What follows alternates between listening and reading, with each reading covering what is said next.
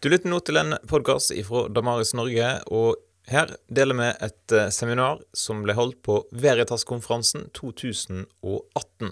Ja, jeg må da si takk for anledningen her på Bibelskolen. Og det er jo bra at det kan være et realfaglig seminar her også. Det kommer et uh, i neste økt også, med mer uh, medisin. Da, men, men, her er det altså naturfagene i fokus. Og i og med at jeg jobber med naturvitenskap på et universitet, så kommer jeg ikke til å være beskjeden i å framsnakke skaperverkets storhet. Det kommer jeg ikke til å være. For jeg vet hva jeg snakker om. Jeg har holdt på med det her i mange mange år og funnet ut masse flott der altså, som jeg ønsker å formidle til dere. da. Så dermed agendaen litt satt, da. Ja, la oss eh, etter den lille introen her få eh, ta turen ut og se hva som eh, er ute der. Og vi begynner selvfølgelig på første stopp, nemlig jord-månesystemet. egentlig et veldig vakkert system. Månen er ganske stor i forhold til vår jord, og stabiliserer den og danner det interessante flo, flo- og fjærefenomenet. Og Det er veldig biologisk viktig at det er flo og fjære, at, at, det blir liv liksom, i den strandsonen der. da. Så må, ø, Vår måne er en firedel av jorda i diameter. og påfallende stor. Det er ingen planet som har tilsvarende stor måne i forhold til vår størrelse, eh, forhold til størrelsen av Jupiter. Har samme størrelse, men mye mye større Jupiter. da. Den er ti ganger større enn jorda i diameter. da. Så den der måne, solsystemet, det har fascinert faktisk eh, teoretikerne i mange år. det. Og det er jo et enkelt system. Det er jo tolegemeproblem. Ja. Det skulle være enkelt å beskrive hvordan det der oppsto. Men tro meg, man har ingen fullgod teori på hvordan det der systemet oppsto. Noe så enkelt. Det skulle være piece of cake. Sant, ja? Men det er altså såpass intrikate der at det, at det er flere ting som går utenfor eh, eh, beregningene. Det er en hypotese om en kollisjon da, som var akkurat slik, og så kom det ut en, en løsning på andre sida, og så integrerte det seg sammen i en rot tolegemerotasjon. Men selv noe så enkelt er såpass krevende, da. Men selvfølgelig to det her Eh, og naturens lover Det første jeg skal snakke om nå, er naturens lover. Alt det de yter. For at det er så mye fantastiske lover, som det er Maxwells ligninger og sånt, det er egentlig et mirakel i seg selv, det også. At det er så mye som eh, ligger der og funker og, og skaper action på sin måte hele tida. Så en av de mest kjente hendelsene knytta til naturlovene, det er det der. Nordlyset. Dere har sett nordlyset, dere som er fra Norge, selvfølgelig. Eh, det kommer av og til ned hit òg. Men vi oppe i Tromsø har det så å si hele vinteren. Og det kommer haugevis av turister for å se på det der fenomenet eh, nå. Så hotellene er fulle allerede fra, fra nå, ja, nå er det høysesong. Og de sitter på flyplassen og er glødende glad. De har vært ute og sett nordlyset. Og toppen er jo å stå noe sånt og oppleve det med mange som har sin bryllupsreise dit. da. Japanere og kinesere og alt. De kommer opp for å oppleve det der nordlyset. Men det er altså beskrevet ved hjelp av eh, elektromagnetiske ligninger og eh, såkalt solvind, altså som er ladde partikler som kommer fra, jorda, ned fra sola, og som treffer jordas magnetfelt. Og så er det en bestemt lov, en av Maxwells ligninger, som styrer det der. Og så kolliderer det etter hvert med med, med atmosfæren i jorda. Nitrogenet og oksygenet. Og så blir det noen faseoverganger der, og så blir det sendt ut lys da, som takk for kollisjonen liksom, i etterkant. da. Så der er Guds egen neonreklame. Og, no, og Nord-Norge tjener noe enormt på det der, der nå. Så vi har et trumfkort vi kan leve på i mange mange år. da. Så jeg har flere som er i den eh, bransjen her som turistguider. Det, det, er en takknemlig oppgave. Og du, når de har vært og opplevd nordlyset De får jo sånn, sånn, eh, litt sånn overjordiske opplevelser når de opplever det. De tenker som så Går det her an? Det lyser over hele meg, liksom, og det, liksom, det spiller oppi der. Som et neonlys. da. Men det er altså et av naturens unike fenomener, styrt av enkle naturlover. Det er ikke noe mirakel, men det er styrt av lovens eh, bakom der. Da. Og den er kanskje et mirakel i seg sjøl, men den er nå der. Yes. Så det, går vi ett skritt ut. Vi går til solsystemet. Altså de åtte planetene. Du kjenner dem. Det er pensum det å kunne planetene utover. Og eh, vi er da sola der.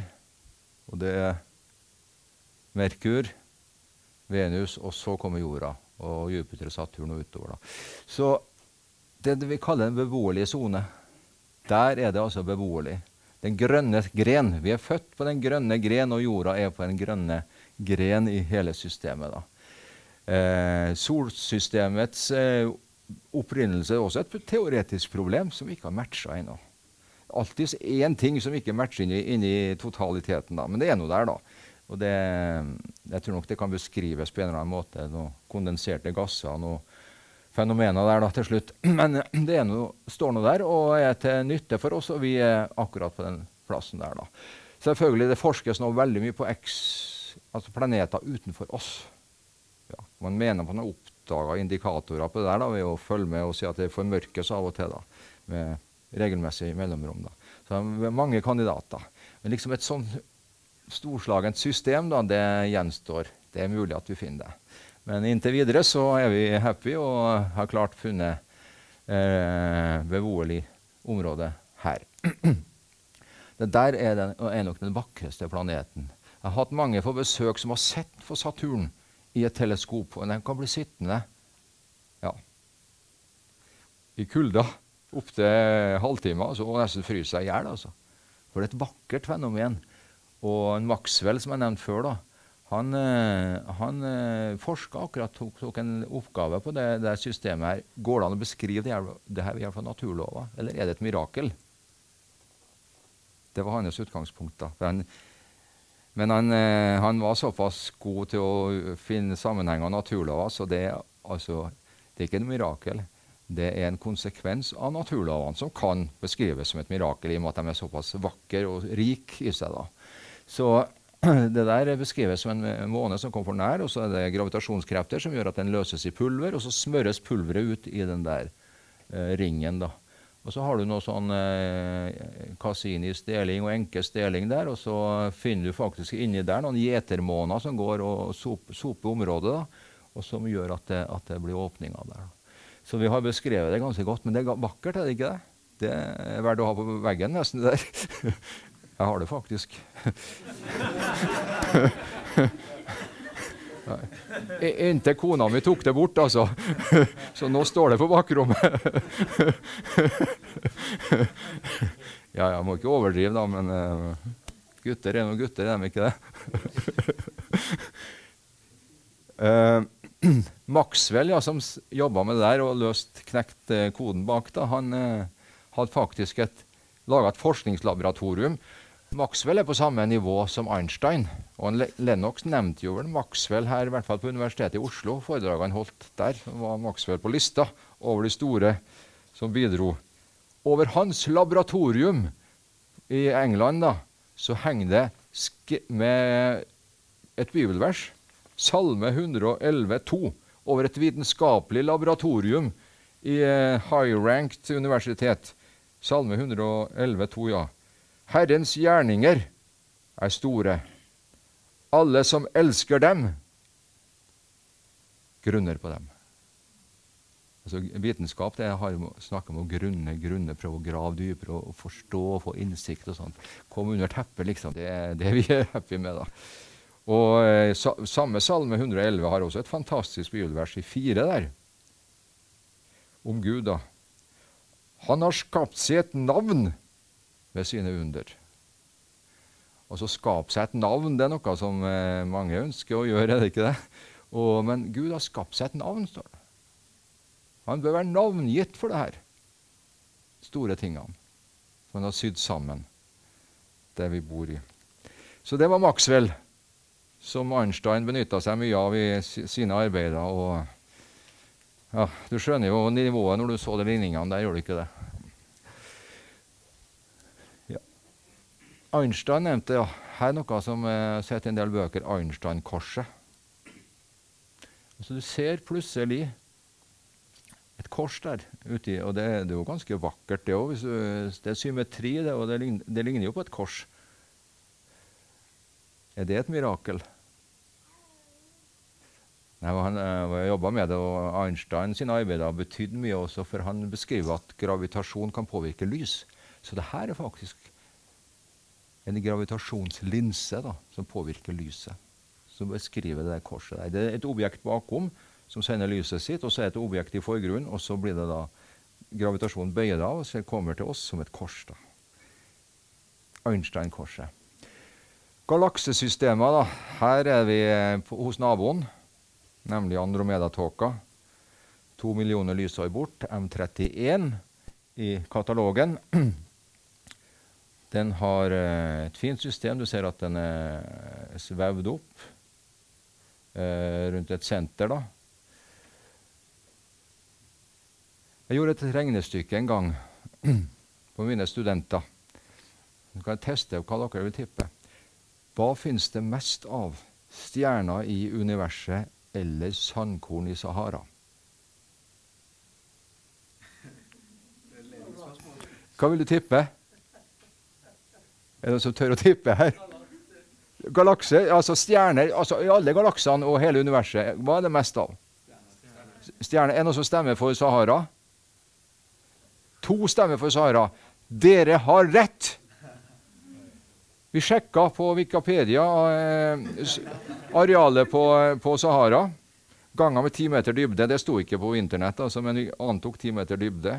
Jeg gikk ut i sandkassa og henta sandkorn eh, til studentene. La det under mikroskopet. Telt antall sandkorn på 1 millimeter. Så ganger vi opp, da. Og så eh, med Saharas volum, da. Og så vet vi antall stjerner i universet. Det er I én galakse det er ca. 100-200 milliarder. Og så er det da eh, så og så mange milliarder eh, eh galakser også. Så Ca. An samme antallet. 200 milliarder, la oss si det da. Så ganger vi opp de tallene der og får uh, eksponenter og sånt. Og Sahara slår galaksene i universet, stjernene i universet med en faktor på 10 eller 100. Det er fantastisk. Og du vokser på det, liksom. Jorda er ikke noe fjern, bortkomment rusk i universet. Det er stort, det er stor, storslagent. Og sånn er det liksom å gå rundt i, i naturen også. Bare går opp på fjellet og ser hvor mye blomster som finnes der. Det er en sånn rikdom, sånn overflod, liksom, i, i skaperverket. da. En, en, en, liksom en uh, rikdom der som er skjenka til oss, og som skal kanskje gjøre et, et eller annet inntrykk. da. Så du må ikke snakke ned jorda. altså den er, har samme eh, dimensjon og kraft og majestet og rikdom i seg som universet har. På en måte er Gud den samme ute der som han var nedpå her når han skapte. Han tok i. Tok i. sånn kan jeg snakke som naturvitenskap, for, det, for det, er jo, det, er jo, bare tall. Sant, ja? Men eh, folk har liksom gjort jorda liten og uvesentlig, men universet er vesentlig. da. Eh, det er litt sant i det. da. Det er storhet ute der, men det er også storhet. Det er over hele showet er det storhet og rikdom og sjenerøsitet, for å si det sånn. da. Der er han eh, første som laga teorien om Big Bang. Big Bang-teorien er vi veldig tilhenger av faktisk innenfor astronomien, for den har gjort så eh, forklarer såpass mye om Jeg skal ikke komme inn på bakgrunnsstråling, og alt det der, da, men den forklarer så mye. Og det var en prest som kom med det. Le Maitre, Her er en belgisk prest. Eh, han sa Big Bang, universet den sier, altså Han, han resonnerte som så at det regner bakover. Til slutt så må det være en dag uten en gårsdag. Så du regner bakover. Sånn tenkte han. Må, det er jo en begynnelse. Du regner det bakover. da. Og den dagen da starta det. Universet har en begynnelse og en tidslinje. Og Etterfor det har det ekspandert da, eh, fram til i dag. Og vi ser at det ekspanderer også. Du kan måle på noe som heter rødforskyvning. da. Men det sier at det har en begynnelse, gjør det ikke det? Og det er jo en god eh, match mot Bibelen også, at det i begynnelsen skapte Gud himmel og jorda.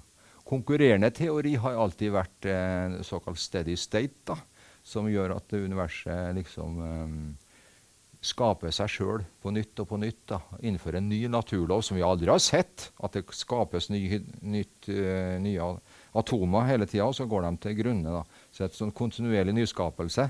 Men den har ingen støtte, da, for den innfører liksom et, en lov som ikke er der i virkeligheten. Da. Så Big Bang har en veldig eh, favoritt i dag. Og det var altså en prest som kom kom med det ut fra et resonnement som ikke er helt ulikt Bibelens resonnement. Altså. Nå har det blitt litt vanskeligere de siste årene for oss. For vi har oppdaga at det må være noe som heter mørk materie og mørk energi. Og den, den materien vi ser, og vi vet, har regna ut Big Bang ut fra, den er bare kanskje en 10-15% av totalen. Da. Så vi har laga en teori basert på 15% av datamaterialet som finnes. Da. Og innenfor de fleste skal, skal du aldri lage teorier basert bare på på, eh, på 10-15% av materialet. Du skal ha 70 svar på et spørreskjema f.eks. For, eksempel, for å kunne bruke det til noe. Så vi bør være litt ydmyke, men det beste er det beste vi har. da. Ja. Jeg kan ikke mye om astronomi, men i det mørke materiet, altså, inkluderer det ting i sorte hull og sånne ting? Da? Nei, det er noe annet. Det er noe annet enn det. ja. Det noe, det, vi vet ikke hva det er. Vi bare har funnet at, at uh, ekspansjonen, hvis du regner den, da, så må det være noe mer der enn det vi ser. da. Og det, det, er ikke bare noe annen form for materie som, som er mørk eller svarte hull. Altså, det må være noe helt annet. Vi vet ikke hva det er. Det er bare en X i systemet. Da. Så det er en gåte, rett og slett. Da. Det er flere forskningsprogrammer på denne, både mørk, mørk materie og mørk energi. Da. Men det er litt vidløftig, det der, da, så uh, det må vi ta litt seinere, tror jeg. Der er Big Bang uh, illustrert. Først starten, da, så er det en såkalt inflasjonsfase. Der eks ekspanderer universet veldig fort. Og da går det faktisk fortere enn lyshastigheten. der. Og det skal det jo egentlig ikke gjøre, ifølge Einstein, for det er jo toppfarten i universet er jo lyshastigheten. Slik at det der, der, der skjedde noe action. da. Og så er det Rett og slett. Der har vi det såkalte eh, kosmiske bakgrunnsstrålinga, som, som, er et ekko da, fra en bestemt hendelse i, i uh, av materien. Da. Og så ble det mørkealderen der. Da Da var det mørkt etter det ekkoet. Og så begynte vår del av historien her, da. Men hva som skjedde underveis her, da, det, det er mange gåter der. altså. Så Big Bang er besk beskriver innholdet. Det er en god teori, men den, tross alt, den har en del gåter i seg. da. ja. Så det er ikke noe veien for å se at det kommer noe til syne bakom kulissene der. En dag får vi vite det. Så jeg gleder meg jo til forelesninga oppe i himmelen The true story. det kan bli et stort øyeblikk. Ja. Og I Bibelen står det i tro forstår vi at verden er skapt ved Guds ord, og at det vi ser, har sitt opphav i det usynlige. Hebreerne 11, 3. Ja. Så kom et veldig overraskende funn i 1973. Nå kommer det noe som John Lennox også bruker å snakke mye om, fine-tuninga i universet. 1973 da var det 500 år siden Kopernikus ble født. Han uh, laga teori, teorien om at jorda ikke var sentrum, men sola, og at jorda kom på yttersida. Og så ble universet større og større, og så ble vi etter hvert uvesentlig i universet. Da. Det er et stort mangfold der, og vi kom liksom ut som en liten tilfeldighet i hele systemet. Da. Kopernikanske vending kalles det i idéhistoria. Så kom han der, Brennan Carter på fødselsdagen til Kopernikus kom han med følgende Det antropiske prinsipp, som sier at alle de tilsynelatende tilfeldige og uavhengige naturkonstanter i fysikken har en merkelig ting til felles. De er nøyaktig, har nøyaktig den verdi de må ha for å muliggjøre et univers der biologisk liv kan eksistere. Nå er det vel ikke alle av dere som vet hva naturkonstanter er for noe. Det er elektronets masse og sånne ting. altså Ladninger til elektroner og protoner og sånt. Og det er sånne regnestykker i fysikken. da. Så Jeg vet ikke hvor mange som er happy med det, da, men en del av dere har regna på det. I, det, det, er spesielt eh, andre- og tredjeklassen i fysikk. regner på det, Og, og kjemi også. Uh, så de konstantene der det, det, det, Du slår opp en tabell og finner konstantene. De står nederst på arket også når du har prøve. Så eh, Jeg har vært lærer i videregående i mange år, nemlig. Så jeg vet det. Jeg har plaga folk med det i mange år. Men, men, det fantastiske med dem er at de er ikke tilfeldige. Altså. Har de vært annerledes, så har det ikke blitt noe jord. Det har ikke blitt noe atomer, det har ikke blitt noe gravitasjonskrefter sånn som vi kjenner. Det har ikke blitt noen planeter i hele tatt. Og, i hvert fall ikke noe liv, da. Jeg husker når uh, første gang jeg hørte det, det var min professor i, i, i matematikk, anvendt matematikk, Christian Dyste, han bor i Bergen nå, da, han kom og fortalte at Steinar hadde gjort en stor oppdagelse. Det vi har regna med som rusk og rask i systemet, som vi bare måtte hive inn på slutten, det har en dyp, dyp mening. Det antropiske prinsipp kalte han det. På Kopernikus sin fødselsdag. Og hvis du ikke har helt sansen for de konstantene der, så husk på at en gitar den må stemmes. Og Det betyr at de konstantene med proton, elektron og gravitasjonskonstant og sånn, de er avstemt, så det, det, klinger som på en gitar. altså. Det er mange måter å skru på den der på, det blir ikke noe samklang. liksom. Men det er samklang i det her universet vi lever i. da.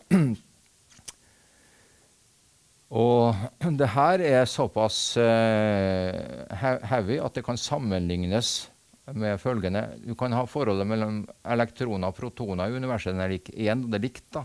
En avvik på ørsmå bagateller vil gjøre at det ikke blir noe fruktbart, noe kjemisk interessant og biologisk interessant univers. Da. Og Det er det samme som å illustrere at det er truffet Du har stabla opp altså 1 milliard eh,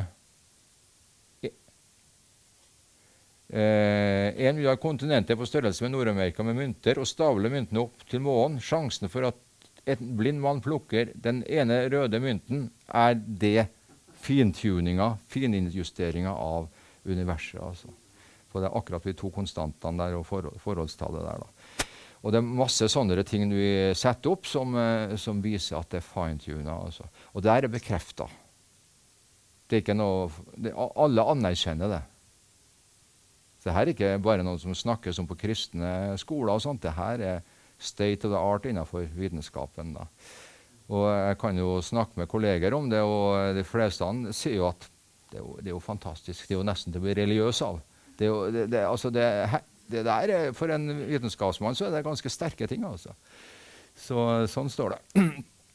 Gitaren er der. og var en, en, på, en, et barn på nettet som skulle prøve å forklare det med finstemthet. For det er jo Hvis du ikke vet hva naturkonstanter er, så, så, så, er det vanskelig å forstå det. Men pepperkaker Du du skal bake pepperkaker.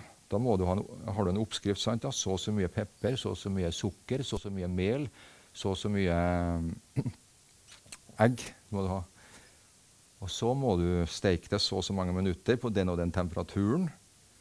Prøv å skifte litt på det der, konstantene der. Prøv å, sånn som Torbjørn Egner, å bytte om eh, farine og pepperet, liksom. Kan du synge pepperkakesangen? Det blir ikke noe pepperkake, altså. Men vi har truffet i blinken altså, med det her eh, pepperkakeoppskrifta vår. Da. Og sammen med universet. Det lever i et pepperkakeunivers. Jeg må illustrere liksom argumentene. Så oppsummeringa. Universet, Einstein sa universet det er som et vellaga kryssord. Det stemmer over på kryss og på tvers. Det var Einstein sin formulering.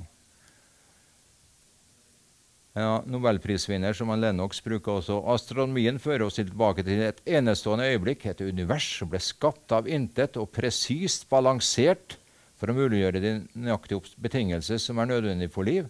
Observasjoner fra moderne naturvitenskap ser ut til å peke på en underliggende, ja, overnaturlig plan.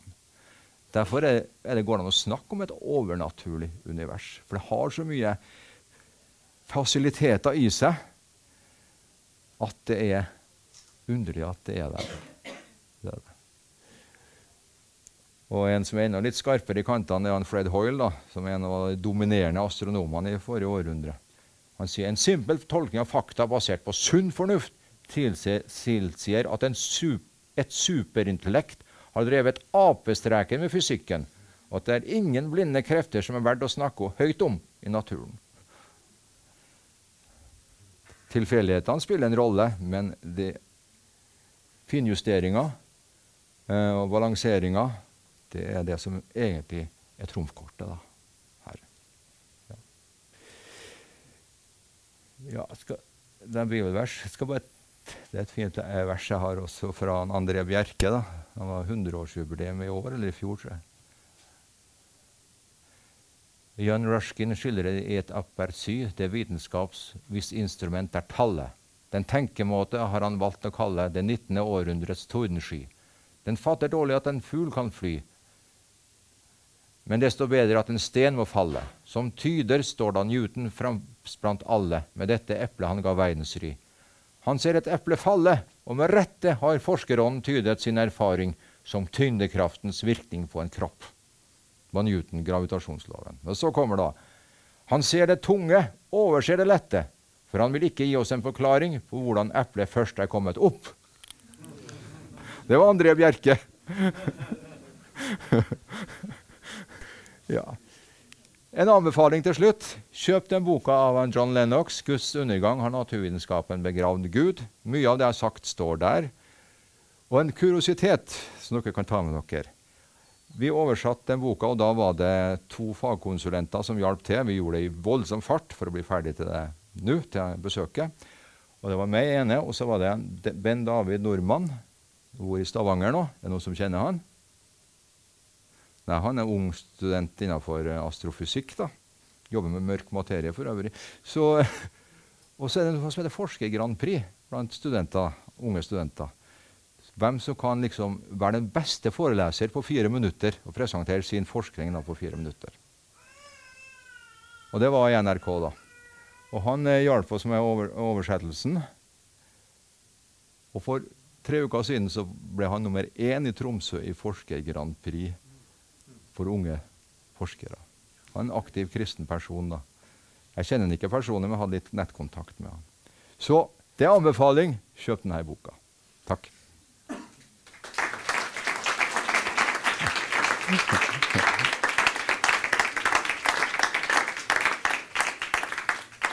Ja. Ja. Et spørsmål. Ett. Ja. Altså, jeg tenker på um, når jeg skal forklare um, Big Bang og, og, og, hvor kompleks verden er, da. Ja. Særlig med tanke på den finstemtheten. Ja. Altså, når du, hvis du tar vekk Gud fra dette her. Eh, og intelligent design altså, hva, Hvordan kan en fra et ateistisk ståsted forklare eh, altså, for, altså, Eksplosjoner pleier jo ikke å skape avanserte, flotte ting, pleier å ødelegge ting. Men altså kan Big Bang eh, ha i seg et kreativt potensial til å skape den verden vi, vi ser nå? Finnes det en kraft som kan Ja. ja. Nei, altså, Ateister har et stort forklaringsproblem. De, de, har det. Og jeg har diskutert mye med kolleger som er i den gata der. da. Og de innrømmer gjerne at universet er finstemt. For det er jo, det, det, det, det er jo, er jo bevist. Sant? Det er jo dokumentert med tall. Du, naturvitenskapen de slår ting fast. Det er ikke noe å diskutere det som er, det som er bevist. Liksom. Det står der. Og hvordan skulle du da fortolke det? det for, vi har jo ingen problemer med å fortolke det. Heldigvis. Det er jo godt å være kristen i disse tider, i hvert fall i, i naturvitenskapelig sammenheng. tør jeg påstå. Vi vet mye mer nå enn for 50 år siden. Men de, en del av dem har en såkalt naturalistisk filosofi. da, naturalisme, som John Lennox snakker mye om. altså Metodisk naturalisme. Det kan ikke være andre ting til stede enn de materielle tingene. De har en lukka tankesett. Og hva så sier så dem? De sier at det er en gåte. Det har de lov til å si, men det er fordi at det er lukka system. da. De kan ikke ta inn noe annet enn gåten i sitt system. Men det er pga. livssynet. Altså Alle har et livssyn. da en verdensanskuelse, og den lukker for dem, og de kaller det et, et, et, et enigma, eller en gåte. Da. Og En annen jeg snakka med, han sa at han visste om det, men han likte det ikke. Ja. Jeg vet ikke Jonas, kanskje? Ja. Du har ikke tilleggskommentarer? Ja. Jeg, jeg, jeg tenker litt på det der med i dag, så eh, hvordan vi kan tolke dette her i form av eh, virtual Vi bruker liksom så utrolig svære koder da, for å forklare en, en uh, kunstig virkelighet. Og så ser vi vår egen virkelighet. Er, uh, det er nesten ikke Det er snakk om sånn millioner ganger mer kode for å programmere en virtuell virkelighet. Da. Det, det forteller jo også litt, gjør det ikke det? Vi kan snakke sammen etterpå uh, innenfor naturvitenskap. Han er også på NTNU, da, så vi har mye å snakke om. Men det, det, altså det, han bekrefter som forsker innenfor dette området at det, det, er så stor rikdom at det er, det er, det er en wow-følelse, altså. Det er det. Er det blitt lettere å være kristen forsker nå? Ja, det tør jeg å påstå. For det, det finstemtheten i universet, når den kom på Kopernikus sin bursdag, så, og det tok en 10-20 år før det ble av, avstemt skikkelig, da, så står det fast. altså. Alternativet enigma eller et multiunivers. da. Altså, Hawkins har jo multiunivers, da, men vi har ingen kontakt med de universene. Så det blir en form for gåte, det også, da, å sende oss ut i noe eh, bærtur, som jeg gjerne kaller det, i naturvitenskapelig sammenheng. da. Ja. Hvor mye tid har vi nå? Fem minutter? Har god tid? Å ja. Det er jeg som er redd for å tråkke på andre sin tid. Det er jo også fininnstilling, da. Så ja. må ha en generator som er fininnstilt. Ja. Du kommer jo egentlig ingen vei, egentlig. Nei. Det var Kjell, tror jeg, og så Asbjørn etterpå. Nei, jeg, eh, når jeg leste om dette, så, så forsto jeg plutselig hvor sterk ateisme er. Ja. Og, og, det kan være greit for dere å ha med. Altså, disse som forsker på dette som at det er ateister, tanken på en gud Eh, det engelske ordet som en ga uttrykk for, det er 'repugnant'. Det er altså noe frastøtende og kvalmende ja. å, å, å, tenke på en gud. Så for dem er det lettere å tro på 10 opphøyd i 500, antallet univers som har blitt til av seg selv, enn ett som er gudskapet. Og 10 opphøyd i 500, det er et ett-tall med 500 nuller bak. Ja. Selv om, selv om, du hadde det beløpet i øret, så var du og rik, for å si det sånn. Mm. Så, så, ateister de tror på ti opphøyd i 500 antall univers. Og den, den, modellen der den kan du lese om fortsatt i publikasjoner. For å bli kvitt altså ett gudeskapt univers. Ja. Da, da, skjønner du hvilke krefter som kjemper mot oss som har en gudstro. Altså. Mm. Flere spørsmål her, ja. Ja, vi, vi tar ungdommen, gjør vi ikke det, Asbjørn? Ja. ja, kom igjen. Sånn, Newton og, ja. og, Einstein og de her fysikerne, vet du om de var artister, eller? Altså, Newton var meget aktiv i kristen sammenheng og skrevet flere bøker om det også. Ja. Så øh, faktisk mer, På siste del av sitt liv så forska han mye mer på Bibelen enn, enn på naturvitenskap. Så Newton var en øh, aktiv kristen. da. Det Var, Einstein var jøde, da. Han har respekt for uh, kristendommen og Jesus-skikkelsen. Men han bekjente seg til mer Han så at det var en gu, gud der, på en måte. Men litt sånn uh, panteistisk gud, da. Så han trodde det var noe fingeravtrykk i universet som han var og tyda. Og det interessante for han var å finne Guds eh, handling av universet. Resten var detaljer, sa han. De store tingene var han på jakt etter, og det fant han også. da. Ja. Ja. Hvordan er man kan se sammenhengen mellom The Big Bang og skapelsesberetningen? Sammenhengen? Ja, eller hvordan, hvordan skal man tolke det når det står at Gud satte det sånn i Bibelen, på en måte? Og så er det dette forskerne kontrakter? Ja. Ja, så Skapelsesberetninga sier at Gud skapte himmel og jord, og det er universet. da. Og det er bare én linje. Jeg snakka bare om én linje nå i dag.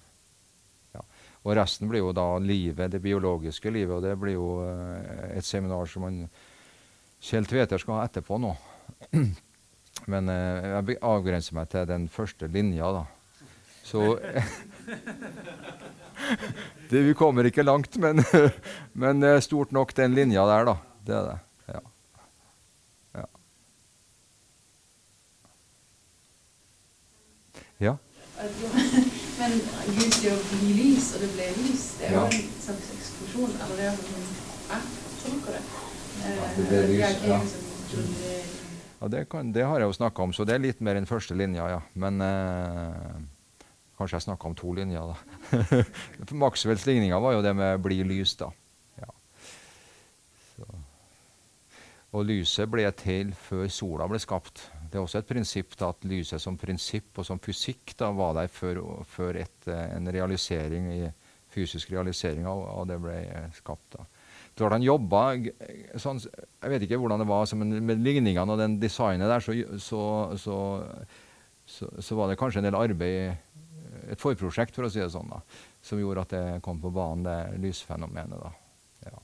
Jeg har ikke peiling, jeg også, men eh, det, Lys det er veldig interessant fys fysisk teori om lys. altså Jeg vet ikke om du har greie på det. Vi, vi, vi må ha to te vi, ja, vi har to teorier for lys. Vi har En at det er partikler med hvilemasse null, og så annen at det er bølger. Og Enten må du bruke ene teorien eller andre teorien. Så noe så enkelt som lys klarer ikke å lage én fellesteori. Vi har to teorier som vi må ta enten ene eller andre. da. Jeg, jeg tror det fortsatt er sånn Jonas, at du må velge en av de toene for å beskrive det. da en uniform theory of light, det, det tror jeg ikke jeg kommer. Muligens.